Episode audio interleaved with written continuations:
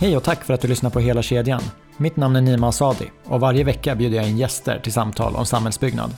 Vill ni komma i kontakt med mig så hittar ni mina kontaktuppgifter på www.hela-kedjan.se. På hemsidan hittar ni även alla avsnitt samt länkar till poddens sidor på Instagram och LinkedIn. Där lägger vi varje vecka upp filmklipp från våra intervjuer och skriver om kommande gäster. Ett tips är att gå in och följa sidorna så att ni alltid håller er uppdaterade. Och ta chansen att skicka in frågor till kommande gäster eller skicka in förslag på vilka vi skulle kunna bjuda in. Ett annat tips är att prenumerera på Byggvärldens nyhetsbrev. Där hittar ni det senaste om byggbranschen. Nu till dagens avsnitt. Min nästa gäst inledde sin karriär som projektledare på ett VVS-bolag och genom åren har hon haft en rad olika ledarroller. Bland annat som VD på både Hifab Group och Arcona. Sedan hösten 2018 är hon affärsområdeschef på VSP Management och vi fick till ett väldigt spännande och intressant samtal.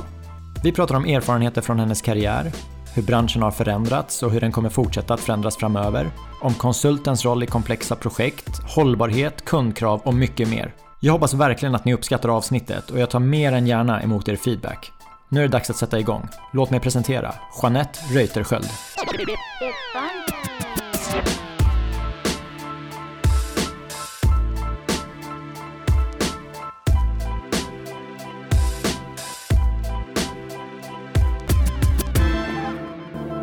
Jeanette Reuterskiöld, välkommen till hela kedjan. Tackar, tackar. Från Arenavägen i Globenområdet. Mm. Eh, VSPs lokaler, där du är affärsområdeschef för VSP Management. Hur blev det så? Ja, precis. Hur blev det så? Eh, nej, men det var en mognadsprocess. Eh, jag eh, blev uppringd av en rekryterare från VSP som, eh, som beskrev VSP väldigt bra. Jag blev nyfiken.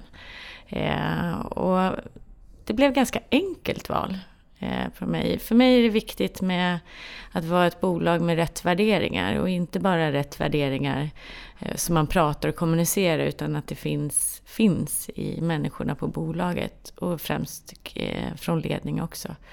Och då blev det ett ganska enkelt val eh, att välja att komma hit. Jag har ju aldrig tidigare varit på så stort bolag eh, heller, så det såg jag som en... en jag, jag, var nyfiken på det. Hur fungerar det och vad finns det för möjligheter och utvecklingsdelar kring den eh, storleken på bolag?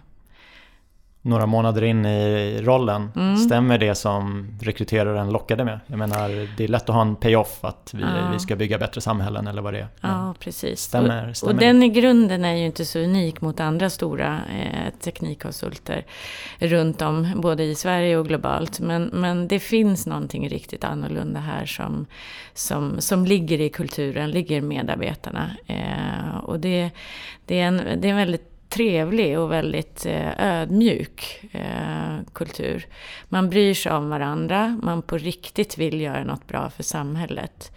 Eh, och skulle det någon gång komma någonting att man upplever det som, som ett floskel eller så, så blir det direkt ifrågasatt från, från medarbetarna. Eh, varför och...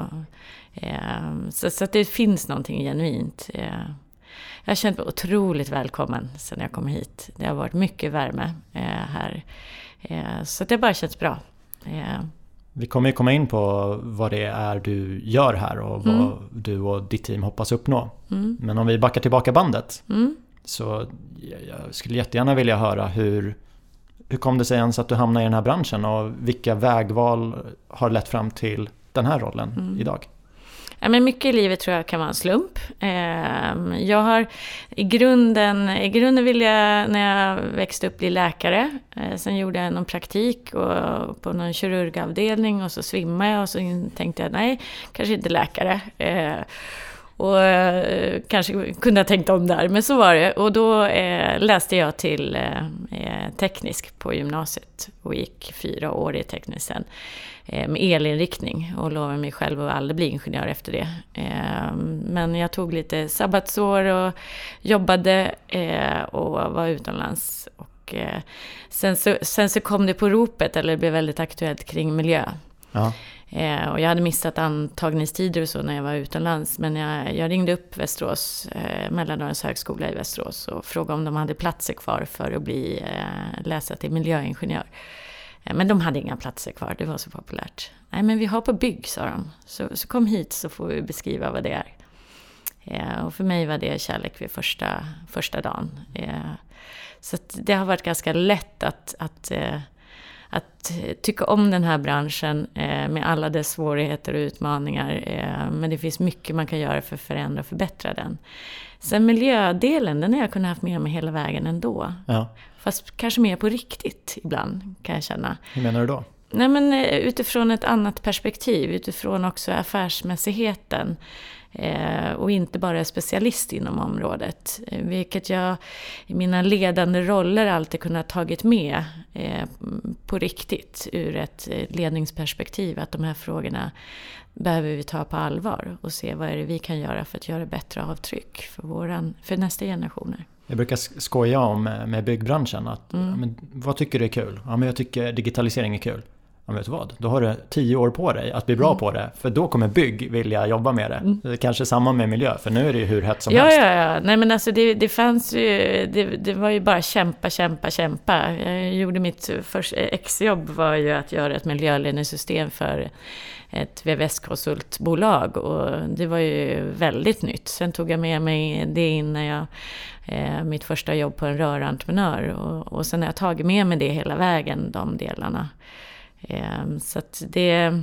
Eh, lite, lite så har det varit hela vägen. Jag har kunnat använda mitt intresse och det jag tror på eh, kring, kring hållbarhet och miljö i, under de här 20 åren. Men elinriktning blev alltså till ett exjobb på ett VVS-företag? Ja, precis. Eh, jag, jag satt och programmerade C++ i ett år och det var inte min grej. Jag gillar att jobba med människor och mer se en början och ett slut. Eh, ja. Eh, och göra det, den resan så bra som möjligt. Men, men det blev byggingenjör. Jag skulle inte jobba med VVS som inriktning. Och naturligtvis när jag säger att jag inte ska göra något så är det det som blir oftast. Eh, så jag försöker aldrig säga att jag ska aldrig. Eh, för det, det, det är så det Utmaningarna, jag tycker det är roligt så att jag väljer oftast det jag kanske inte alltid är trygg med. Men för att få lära mig mycket. Mm. Men efter det så, så eh, var jag på en rörentreprenör i sex år. Eh, när det gäller ledarskap så, så tror jag att jag har lärt mig mest de åren och haft mest utmaningar. Både att komma som ung tjej och ung, oerfaren. Det enda jag visste egentligen efter högskolan var ju att jag kan lära mig saker. Men det var ju början från början. Med all nomenklatur ute på byggena och liksom, ja, det, det var något helt annat. Har, har du något exempel på situationer så att lyssnarna kan relatera?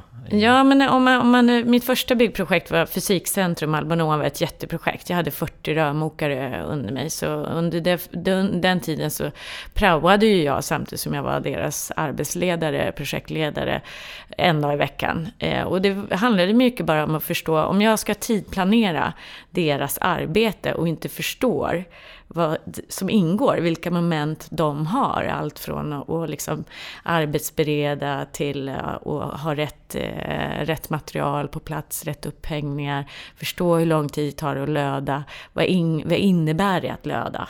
Eh, bara att ta verktygen dit eh, och att man jobbar två och två, varför gör man det? Mm. Eh, och så vidare. Så det var jättenyttigt. Eh, och det finns utifrån, i alla fall det jag läste, det, det finns ju inget jag har läst mig till. Det har jag ju fått vara tvungen att uppleva. Så jag blev ju duktigare på att tidplanera och styra och förstå vad deras vardag var, som var hela min affär. För det är ju de som, som gjorde jobbet. Men som ung tjej, du sa det, ung tjej. Mm. Hur, hur gjorde du för att få med dig de här 40 personerna med betydligt mer erfarenhet än vad du har? Ja, men det är klart jag inte fick med mig alla från början och det var ju stora utmaningar. Jag hade tur att jag hade en väldigt stark lagbas som, som eh, vi lierade oss ganska tidigt. Och han, han, dels respekterade han det jag kunde eh, och sen så ville han lära mig. Eh, så när någon inte betedde sig eller så, så, så, så stöttade han i det. Det, det, är nästan det, den bästa formen av samarbete. Det mm. finns så himla mycket utbyte mellan lagbas och mm. den här nya personen. Mm. Det, det, det, det tipset borde man ju Ja men absolut. För mig var det ovärderligt eh, det också. Och jag hade nog inte klarat den miljön om jag hade inte haft det stödet heller. Ehm, byggena kan vara rätt tuffa. Ja. Men mm. Du var där i sex år. Mm. Tidplanering i projekt var, var en del. Vad var det fler Nej, men i, vi, vi hade då eh, liksom främst totalentreprenader. Så att jag ledde projektledningen, projekteringsledningen, handlade upp konsulter eh, som, som ja, designade, ritade. Eh, och sen så var det ju arbetsledning på platsen. Mm. Så det var ju från, från start till, till mål eh, oftast. Då. Så det var det jag höll på med. Sen var det ju liksom eh, personalhantering, ackordsförhandlingar. Eh, Lärorikt. Otroligt lärorikt, otroligt frustrerande. Eh, och, och, många delar så har jag tänkt efteråt att jag fick en väldigt hög position och roll och arbetsuppgift kanske för tidigt på mm. ett plan. Men, men det är lite som jag sa innan, jag har alltid antagit nya utmaningar. Så efteråt kan jag reflektera att jag fick ta, det tog rätt mycket. Och det där hör man, eh, ibland så hör man personerna själva säga det. Och ibland när man ser det utifrån för vår bransch, i alla fall när man är på entreprenadsidan, mm. när du har alla materialinköp, det blir ju mycket pengar. Mm. Så om du är ansvarig för ventilationskanalerna på plan 3, det kan ju vara miljonbelopp. Mm, och det kan vara din, din första roll. Så ja. det, är, det är ju både lockande med den här mm. branschen men samtidigt att det finns ingen annan bransch. som det... skulle tillåta nej. den typen av eh, attesträtt höll jag på att säga. Men, eh, nej men så är det och det tror jag väl, det är väl på gott och ont. Eh, men vi, har, vi ger för lite stöd eh, kring den typen av upphandling. Och det, det är väl branschens också dilemma på entreprenadsidan att eh, man inte tjänar tillräckligt bra pengar egentligen. Mm. Det är mycket som försvinner eh, på grund av att man inte har kompetensen riktigt med sig, mognaden. Ja. Så det tog du med dig. Vad, vad var nästa roll? Efter? Ja, men nästa roll, då var det ju så här, när jag upplevde, upplevde att nej, men nu vill jag göra något, något annat. Eh, jag kände att jag fastnade lite grann eh, och det var dags för något nytt. Och då ringde jag upp Hifab, för det, de hade varit projektledare på mitt första byggprojekt. Och jag tyckte den rollen verkade så rolig, att få vara byggherrens representant men ändå jobba nära nära projekten och entreprenörerna eh, och mer nära affären. Det tyckte jag var kul. Eh, och projektledning var ju det jag alltid har, liksom det här början och slut och definiera tiden och till vilken kvalitet och vad får det kosta. Mm. Eh, det ligger mycket affärsmannaskap i det också. Eh, så då ringde jag upp dem och frågade om de hade något jobb. Eh, jag hade tur, det hade de. Eh, de hade försökt i flera år bygga upp en avdelning kring eh, projektledare med installationsbakgrund och inte riktigt lyckats. Det hade inte riktigt tagit sig. Eh, så jag brukar säga det att jag, jag, vet inte vad de tänkte när de anställde en 30-årig tjej som aldrig varit konsult till att, att bygga upp det. Men de, de tänkte väl, ja, det kan ju inte bli värre. De hade försökt med andra modeller innan. Ja, eller de fastnade väl för det här med, du gillar ju utmaningar. Och ja, det vad, kanske var det. Vad mm. finns det? Finns det någon bättre utmaning än att bygga upp mm. någonting nytt? Mm. 30 år, första jobbet som konsult, mm. kör bara. Ja, men det var jätteläskigt också för att jag, mina kunder hade ju de eh, sex åren tillbaks varit entreprenörerna som underentreprenör. Eh, så jag hade ju inte fastighetsägarnätverket eller, så det var ju mycket att börja från början. Och alla sa ja men eh, vi tar med dig på kundmöten och, och, så. Nej men det gjorde man ju inte. Så jag insåg, där insåg jag ganska snabbt att nej men ska det här lyckas då får jag gå min, en annan väg. Ja. Än att förlita mig på på, på andra så att säga. Och hur gör man då? Nej, men eh, tricket är, anställ alltid mer kloka, seniora, bättre människor än dig själv eh, till teamet. Eh, och sen så var nyfiken, var inte rädd att fråga eh, och lite modig. Man måste våga ringa, börja någonstans eh, och, så, och ha en plan. Eh, så, så, det var det. Min plan var istället för installationsledarna där då för ja, vad är det nu, 15 år sedan var ju, eh, gick ju oftast under projektledarna, eh, husprojektledarna. Och fick ju snällt liksom fråga om de fick vara med i projekten. Och då hade jag som målbild att vi ska ha högre timersättning, vi är de som ska dra in jobb externt eh, och, och försörja. Och, och, så det var min målbild, att det inte bara var en, en, en, någon som frågade om lov och bara jobba internt. Eh, utan vi skulle skapa jobb. Det blir lite samma där när du kommer in i den rollen. Eh, den är ny för dig. Du har ju massa erfarenheter men kanske inte den traditionella projektledaren på beställarsidan. Nej. Och så ska du få med dig massa människor på en eh, vision. Mm. Det är utmaningar där med. Hur får man med sig medarbetarna? Ja, men det så, så för mig har det handlat om att jag tror på någonting genuint i magen eh, först. Eh, och sen så har jag ju under tiden och frågat, pratat, lyssnat. Vad är utmaningen? Varför funkade det inte? Eh, och, och varför? Varför gör jag det här? Eh, om, om jag hade landat i att jag skulle göra det för mig själv, då hade det nog inte blivit bra. Utan jag trodde på det här. Jag trodde verkligen att hela branschen i de projekten, de saknade den här installationskompetensen. Eh, då, det var ett syfte för mig, att, att få in den kompetensen för att bygga bättre hus. Eh, och göra det bättre, helt enkelt.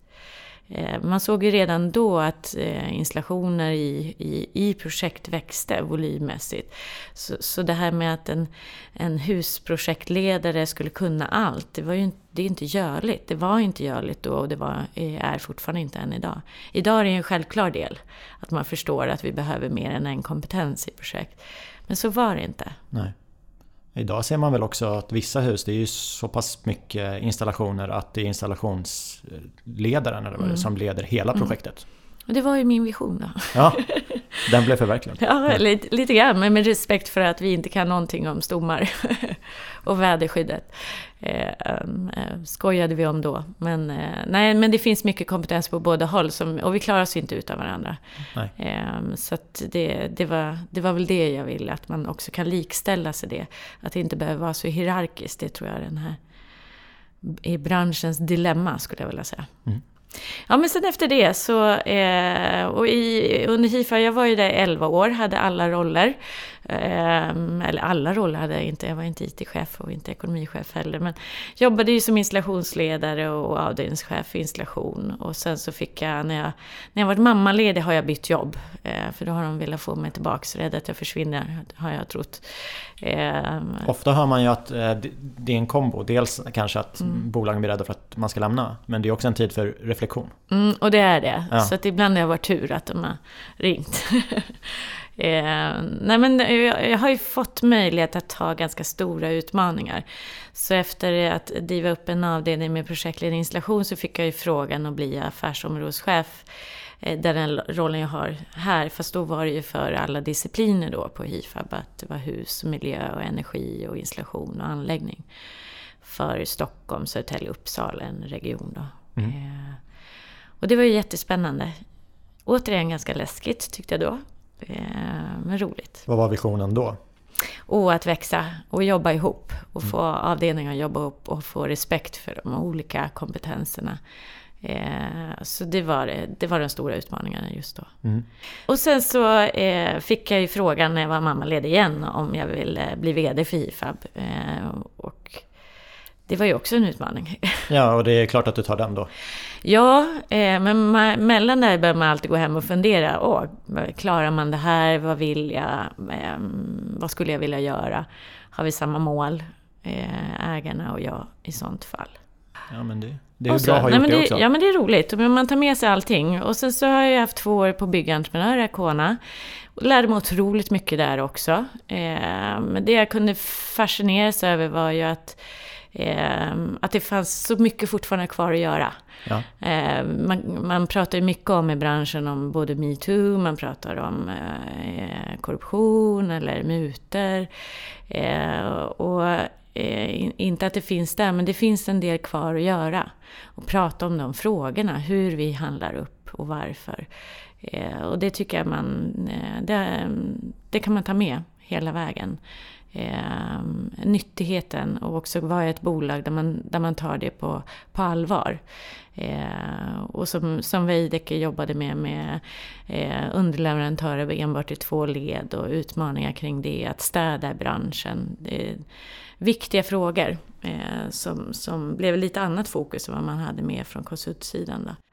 Idag så känner jag att eh, den liksom, de här 20 åren, den samlade erfarenheten att, alla fel man har gjort och alla rätt man har gjort. Eh, att, att det, där jag är idag på VSP känner att det, allt det eh, kan jag få användning utav. Ja. Eh, och det, det är väl det som gör att jag faktiskt mår riktigt bra, tycker att det här är otroligt spännande resa vi är på. Eh, Jag tror, jag tror inte det finns så många i den här branschen som inte gjort fel. Det handlar väl bara om Nej. att kunna, gör man fel så försök Ja. rätta till det. Om inte det går så be om ursäkt. Ja. Det, det kommer ju bli bättre i nästa. Om man tar till sig. om man tar till sig. Ja. Eh, och det, det här är ju, det är inte alltid lätt, men jag, jag tycker att, eh, att få vara i en miljö där man faktiskt vill förändra på riktigt, det handlar ju om att man behöver vara lite modig och se vad är vi bra på, vad är vi inte bra på, vad behöver vi utveckla?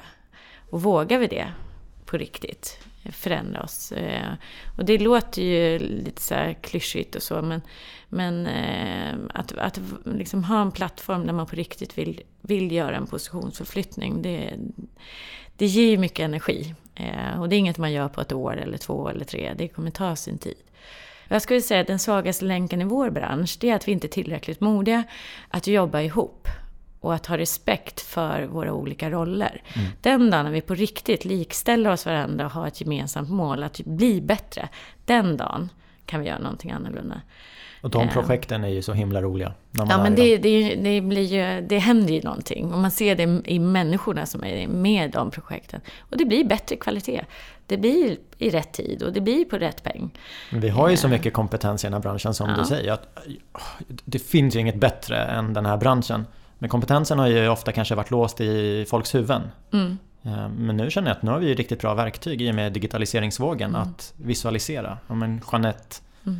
eh, jag och du kan ju kolla på installationen nu. Mm. Jag har inte samma bakgrund som Mm. du men jag kan förstå dig när du pratar om det. Mm. På ett annat sätt. Kollar jag på en 2D-ritning och en beskrivning bredvid, alltså det, det tar tid. Mm. Ja.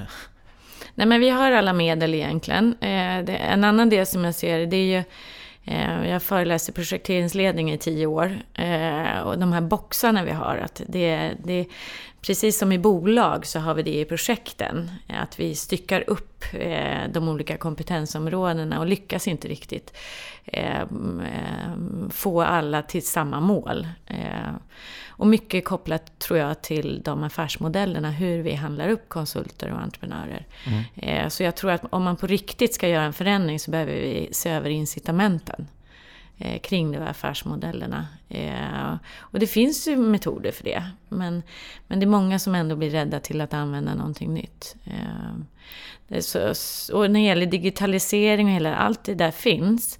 Eh, Men jag tror att den stora förändringen som kommer ske i vår bransch, om vi inte tar tag i den på riktigt själva, då kommer en helt annan bransch komma in och bara ta över. Eh, vi pratar om industriellt byggande etc. Mm, Jag är inte så säker på att det är vi som är, idag är i den här branschen som kommer lyckas göra transformeringen. Nej. Eh, Vi kommer kunna ta oss stegvis. Eh, Men det finns stor risk att någon annan är mycket snabbare Ja, och sen in. ett, en utmaning när man är i branschen är att du ser massa saker som ska förbättras och så Mm. fokuserar du på att förbättra dem medan den här utomstående aktören Mm. kan ju börja om från noll. Mm. Det, Och har det är jag lite- ingenting i väggarna, ingenting i kulturen, Nej, utan eh, bygger någonting. Eh, Så jag tror att om man på riktigt man pratar om innovation och digitalisering och strategier och... Man, man, jag tror att de flesta bolag kämpar jättehårt med det och på riktigt vill det.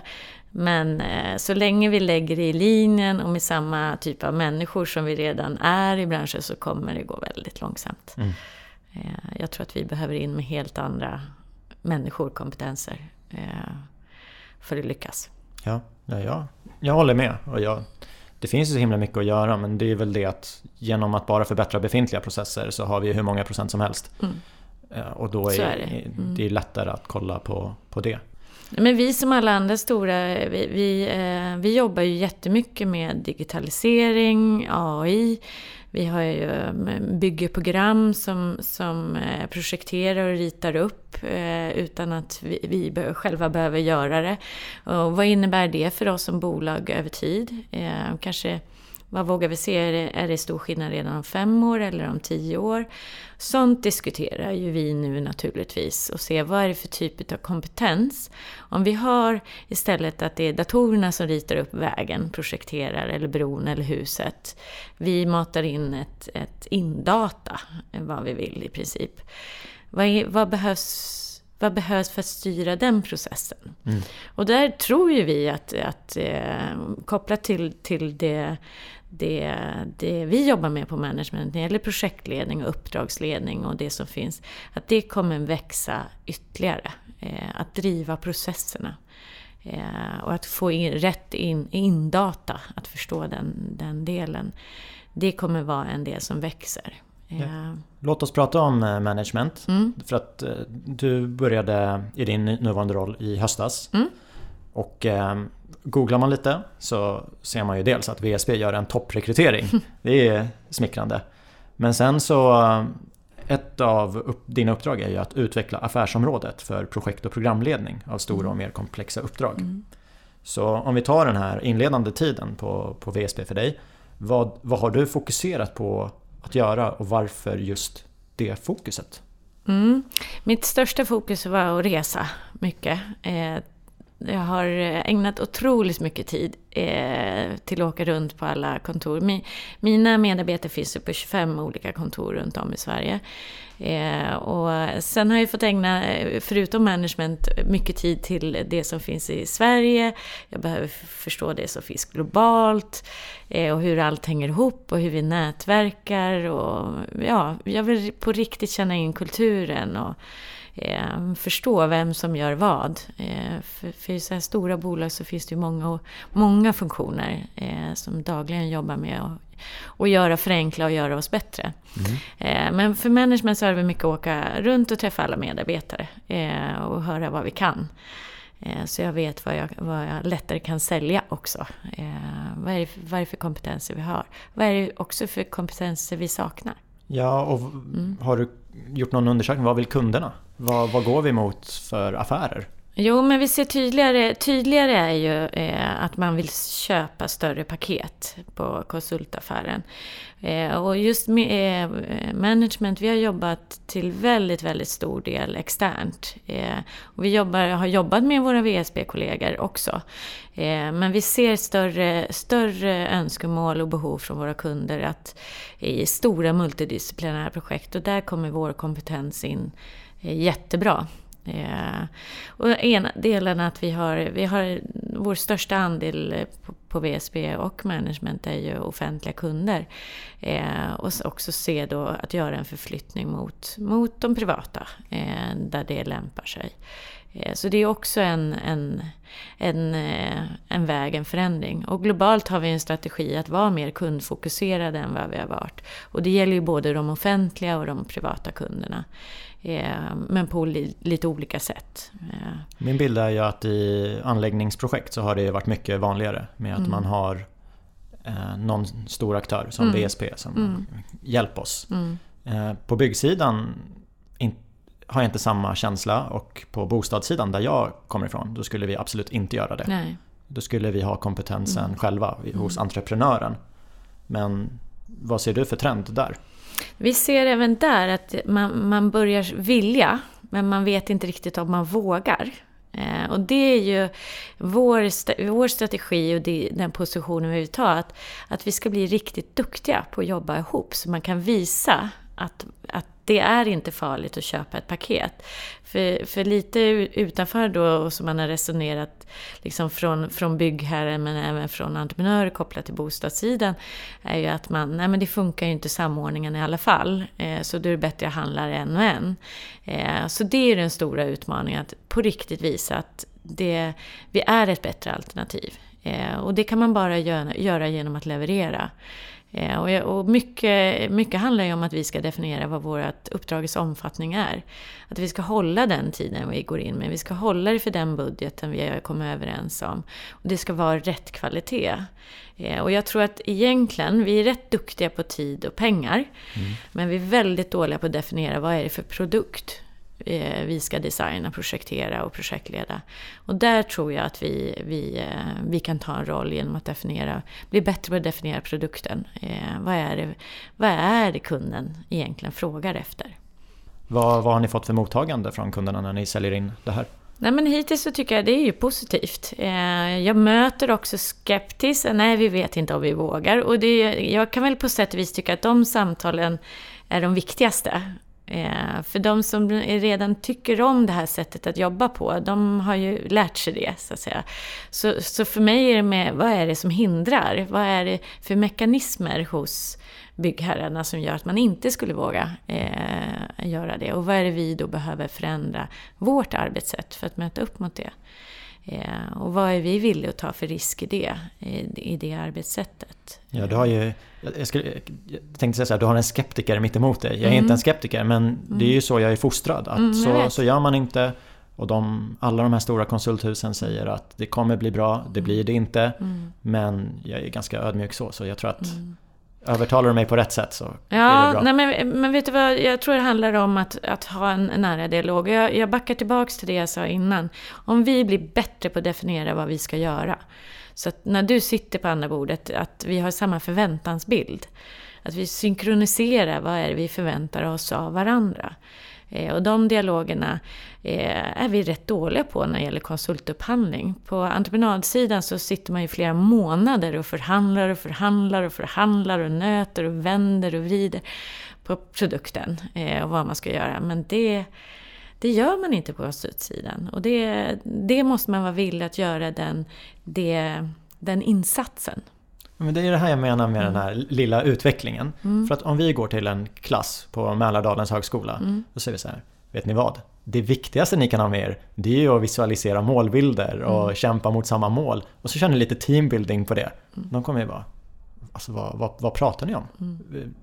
Det där är ju jättetramsigt. Vi, vi behöver inte det där. Och nu pratar vi om att det är bland det viktigaste det som det finns viktigaste. för att bli framgångsrika. Ja, så kan det vara.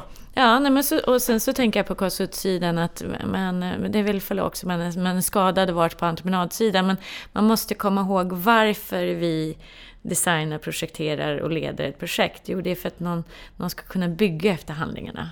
Det ska vara byggbara handlingar, inte en, bara en leverans av handlingar. Utan är det en produkt som går att bygga på ett bra sätt. Eh, eh, så det finns ju jättemycket att göra mm. kring det. En av sakerna du tog upp tidigt mm. Eh, när man går igenom gammalt material så är det ju ja, men dels att konsultens roll i Sverige den, mm. den är under förändring. Mm. Eh, men sen också du definierar det lite mer att man, man ska gå in tidigare i, i projekten. Jag tror att du nämner att konsulterna kommer ta en större roll i programhandlingsskedet mm. redan. Eh, det vill jag jättegärna höra lite mer om. Nej, men det, det finns flera delar. Om vi tar den internationella delen, vilket jag tycker känns så roligt här. Alltså, VSP är ett jättebolag. Vi är 48 000 medarbetare. Det är nästan som man, det går inte ens att ta in knappt vad innebär det? Eh, men att man har respekt för att vi är ett globalt bolag men som verkar lokalt. Och det tycker jag är eh, det häftiga. För i det lokala, att ha närheten till så mycket global internationell kompetens, där man kanske också ibland jobbar på ett annat sätt än vad vi gör. Att bara, ett, det, är helt otroligt, man kan bara slänga ut en fråga och så kommer liksom ja, ett svar. Ja men det här har vi gjort, det här i Kanada, det här har vi gjort i Nya Zeeland, det här har vi gjort i UK. Och det tycker jag är otroligt häftigt. Eh, I olika delar har vi referenser kring att bygga den här typen av projekt. Eh, det vi kan se också nu ännu tydligare är att i de olika länderna, när vi säger att vi verkar lokalt, så jobbar vi lite på annat, olika sätt. Mm. Eh, för att vi, våra kunder handlar upp oss. Det finns kulturer i olika länder hur man handlar upp konsulterna. Det vi, om man säger övergripande ser globalt, är ju dock att vi får en viktigare roll. Eh, och det är mycket kompetensen.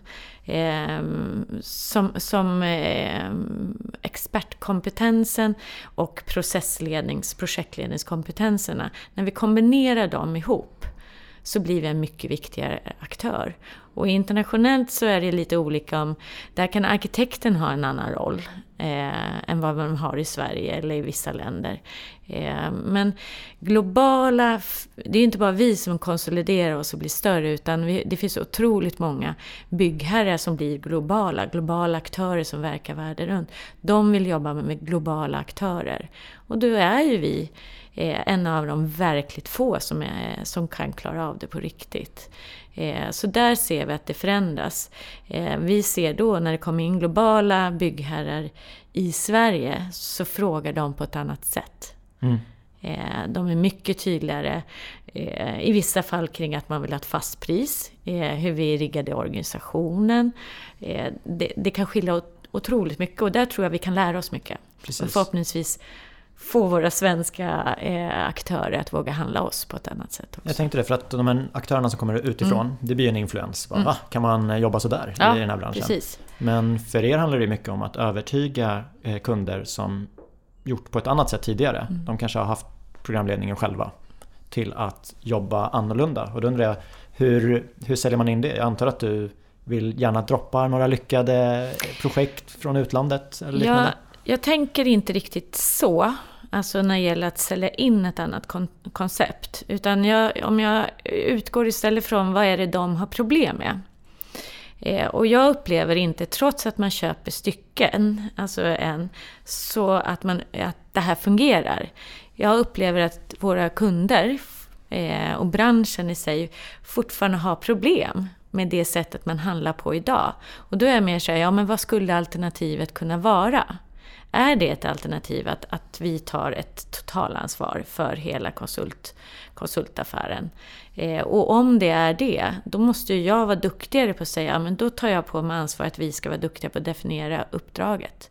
Vad är det vi ska leverera? Mm. Eh, jag tycker också vi borde kunna vara bättre på att sätta ett incitament till att leverera eh, bättre i vissa delar. Vad man nu är viktigast för det projektet. Om det är tiden eller om det är pengarna eller om det är kvaliteten. Eh, så att det finns många delar i det. Att jag tror inte på modellen att jag kommer säga så här ska ni göra och försöka sälja in det utan lyssna på var en... Eh, för jag tror inte att det finns en modell. Jag tror båda modellerna eh, kommer behöva finnas. Komma tillbaka till vad man är fostrad inom. Mm. Så är jag, så här, ja, men jag är ju fostrad inom att vi ska inte jobba med stora konsulthus. Mm. En annan sak jag alltid hört är att bygg ligger mycket längre fram än anlägg. Men nu när jag pratar med dig och jag mm. pratar med Ann-Louise på mm. Sweco mm. så får jag helt andra synvinklar. Men, men vet ni vad? Det här är de ju riktigt bra på. Ja, de är jätteduktiga på det. Vi har jättemycket att lära på, på property building eller på fastighetssidan eh, kring hur man jobbar i anläggning, eh, anläggningsprojekten. Eh, och, och, och å andra sidan, åt andra hållet såklart också, för så är det ju. Men det är ju... Eh, nej men vi har mycket att... Det, det bygger på mer, mer samarbete mellan olika eh, discipliner och funktioner och kompetenser. I eh, beskrivningen så stod det ju att ditt uppdrag kanske specifikt var mot eh, stora och mer komplexa uppdrag. Mm. Men det du nämner, det, det, funkar väl i alla typer av uppdrag?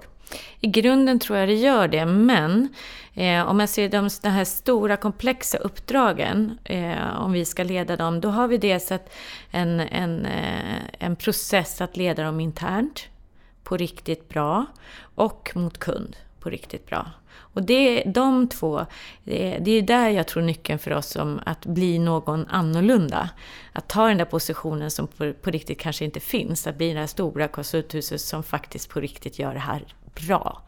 Eh, och, och har, eh, kan leverera den kvaliteten. Och där där, ser, där har vi ett jätteuppdrag på management, att kunna vara den som både hanterar det interna, det är ju de här stora projekten, att, att hantera Slussen, det, det är hundratals människor eh, som ska samordnas internt och det är hundratals, om inte tusentals åt båda håll, som ska hantera det externa och alla tredjepart. Så det är otroligt komplexa projekt.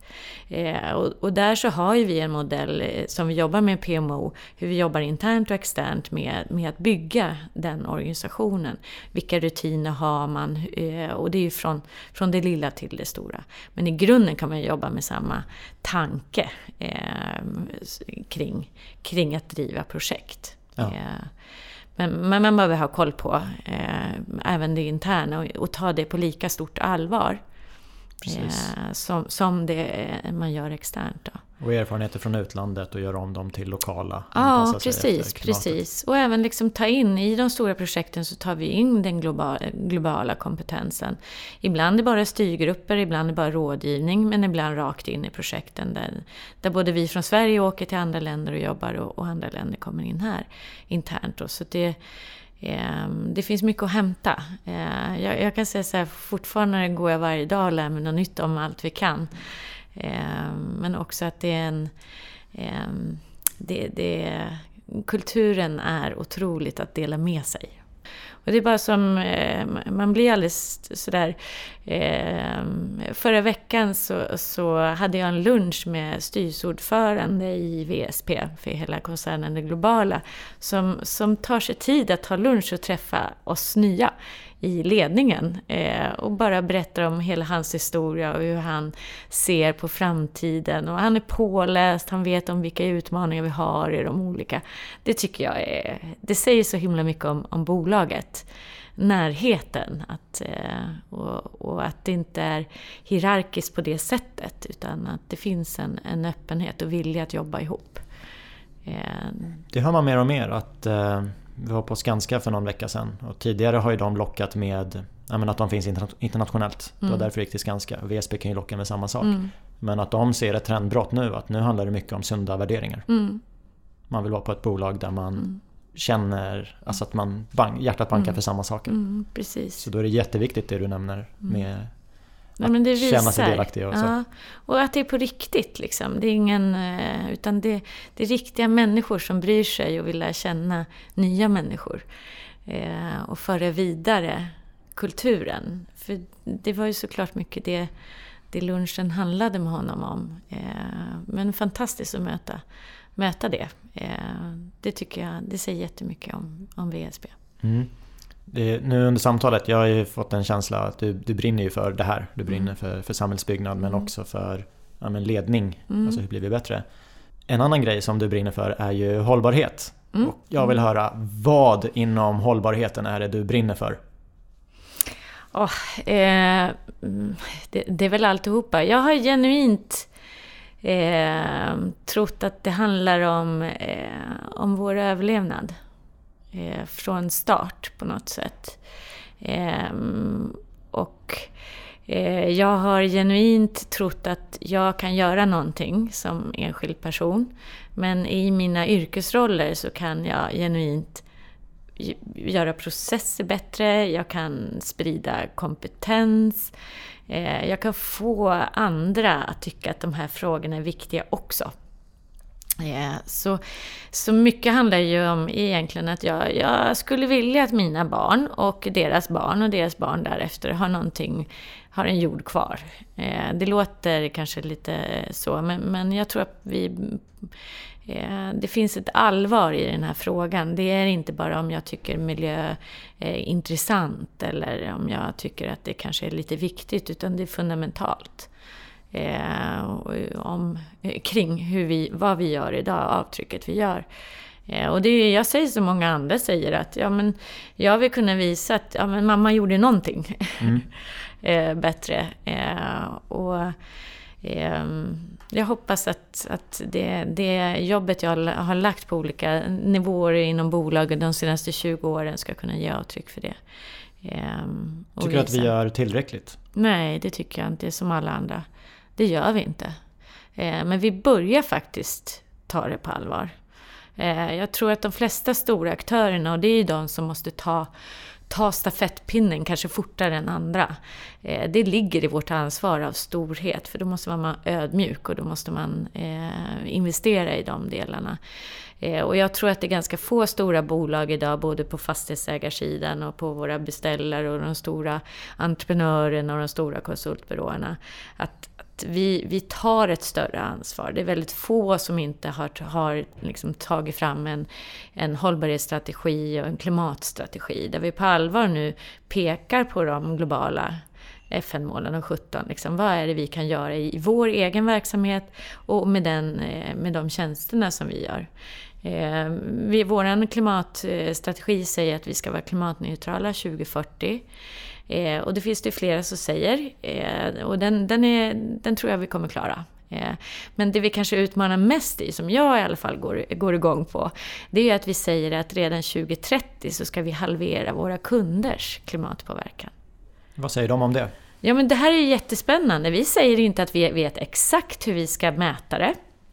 Men vi säger att med alla våra kunder ska vi ta upp, hur kan vi med det vi gör för dem sänka deras klimatpåverkan?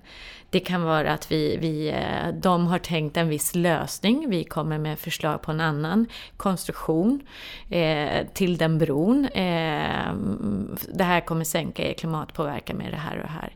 Vi har tagit fram modeller för hur vi gör hållbarhetsskanningar. Det här kan användas både i projekt, det kan användas för de bolag som våra kunder är i.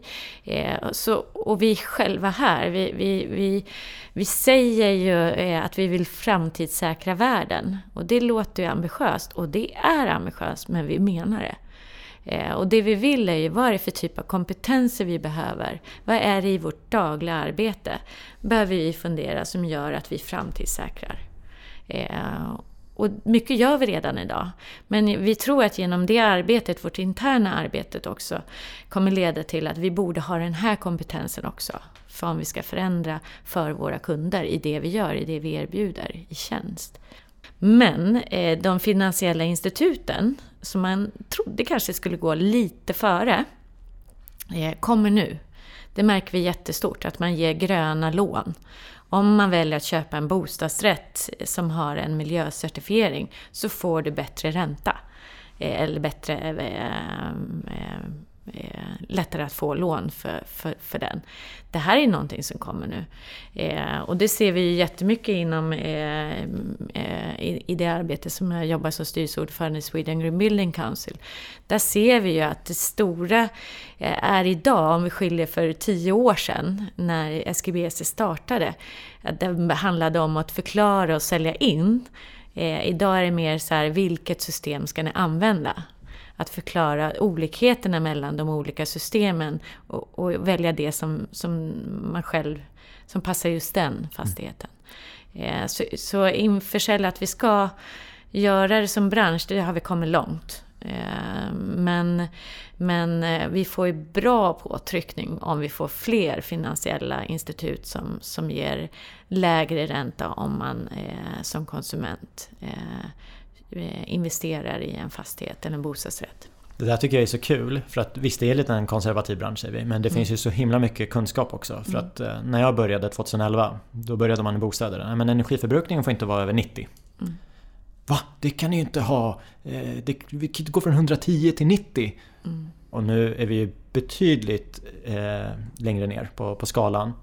Och jag hör inte samma utan nu är det ju en självklarhet att vi ska göra det här och vi det är inga problem heller med den teknik som finns idag. Nej. Men det var ju några som var på, fick in ett eh, lagkrav, liksom, det, det är så mm. det börjar. Så vad, vad har Swedish Green Building Council för roll i utvecklingen kan du tycka? För ni, ni kan ja, ju påverka ganska många. Absolut, och gör. Och det är mycket är att, eh, liksom, ett utav SGBCs uppdrag är ju att eh, kompetenshöja hela branschen. Att, att hålla sig ajour, utveckla de systemen vi har. Att se till att det finns system som gör att vi alla blir bättre att hela Sverige blir bättre. Och det är därför vi i Sverige har valt att ha flera system. Det finns vissa länder som väljer att ha ett system man jobbar med. I Sverige har vi valt att ha flera system inom SGBC för att vi vill anpassa, för att göra ett lyft eh, för hela. Eh, för det är olika förutsättningar, man har också lite olika ambitioner. Men det man jobbar mycket med nu, det har varit väldigt fokus de senaste åren kopplat till nybyggnad. Eh, och, och, det har ju varit viktigt, för liksom, åtminstone det vi bygger nu måste bli rätt. Eh, men nu så jobbar man med, med, system som är det befintliga beståndet. Hur kan vi eh, certifiera det och identifiera vad behöver man ändra i de fastigheterna för att få en bättre? Och det är här den stora massan kommer. Eh, så det tycker jag är jättespännande. Men det är en del. Vi har haft så himla fokus kring, eh, kring eh, fastigheten. Men att nu titta på med Citylab, med hela stads, eh, stadsutvecklingsprojekten, processerna egentligen det man certifierar då. Eh, kring att jobba med att göra rätt från början. Och här kommer det till det som jag pratade om innan, att, att samverka. Här gäller det ju att alla aktörer som ska in, det är ju sällan bara en entreprenör eller en byggherre eller kommun. Det är, det är så otroligt många olika intressenter som måste jobba ihop från start. Eh, och det tycker jag är riktigt... Eh, där har vi en viktig roll att fylla. Eh, och, och hitta ett gemensamt för Sverige, sätt att jobba med eh, hållbara stadsutvecklingsprojekt. För annars är det risk att det, blir, att det blir ord och inte någonting man kan verifiera. Vad är en hållbar stadsutveckling? Vad är kriterierna för det? Och det har ju SKBC en jättestor roll med att identifiera och eh, också ta beslut om vad kriterierna för det ska vara. Du är ju ordförande där. Mm. Det tyckte jag bara nämndes lite snabbt här. Det är, det är också en, en utmaning. Mm. En, en, rolig, rolig roll, tycker jag att det låter som. Vad, eh, vad pratar ni om på styrelsemötena? Ja, men mycket handlar ju om att de, de olika, vi har ju satsat mycket kring det här med Citylab, att eh, certifiera hela stadsdelar. Om det befintliga beståndet, miljöbyggnad i drift, som kommer eh, här eh, under provkör, prov eh, under hösten och sen så vara klart till nästa år. Eh, men det vi pratar om det är ju eh, fördelen med, eh, vi har ju en, stor styrelse men den är ju, omfattar ju hela branschen från olika delar så det finns otroligt mycket kompetens och drivkraft där. Och det är också att se vart, att försöka ha spaningar, men det ser vad, vad som händer liksom som alla styrelser inom bolaget och hur, hur, hur det sköts. Eh, det andra är ju, vad är vi om tio år? Det är mycket omvärldsanalys. Vi behöver ha med det internationella perspektivet in i styrelserummet eh, för att förstå vad är det för drivkrafter som kan komma utifrån. Eh, det finns otroligt mycket eh, engagemang internationellt, men vad är det vi ska välja? Så att vi har ganska stor roll att prioritera vad vi i Sverige, vad som kan vara görligt i Sverige och försöka lägga en tidplan och aktiviteter kring det. Eh, men mycket kompetensutveckling. Dialogen i branschen för mm. ja, men, hållbarhet. Det finns ju ingen som säger att vi inte ska ha det. Däremot kanske man är lite oense kring vilken takt vi ska göra det i. Ska vi vara fossilfria 2040 eller ja. vad eh, största utmaningen i kontakten med, med branschen, vad, vilken är den just nu alla är väl på på någon nivå? Alla är på på någon nivå och det är ju, det är ju kanske frågorna kring energi. Vilken typ av energiformer som, som, eh, som är bra eller inte bra. Eh, det är väl en av våra större utmaningar. Eh, det, det, är ju det är mycket pengar i vår bransch. Så mm. när, när vi går in och bestämmer eh, tillsammans med branschen, för det här sker liksom i enorma stora eh, samverkansprojekt liksom kopplat till eh, de olika kriterierna, men det blir väldigt styrande. Och det kan vara väldigt eh, avgörande för vissa aktörer i branschen om det blir det ena eller det andra. Eh, så det är ju en jätteviktig roll att liksom tillsammans med branschen ändå enas om att nu är det det här vi vi bestämmer. Eh, och det påverkar eh, ibland negativt och ibland positivt då, för olika aktörer. Fortsättning följer. Jag, Fortsättning tycker, följer. Ja, jag tycker det har varit jättespännande att prata med dig. Jag tycker dina mm. ögon de lyser, lyser upp liksom, när vi pratar om miljö men också om utmaningarna och visionen med, med VSP. Mm. Så det ska jag se till att följa mm. utifrån och så får vi se när våra vägar korsas igen. Mm. Jag skulle vilja tacka mm. dig för att du var, var med i, mm. i podden. Tack, och, vad roligt. Ja, och så till lyssnarna. Är det någonting ni tycker att Jeanette ska utveckla lite extra så får ni höra av er. Det brukar de göra. Tack från oss. Tack.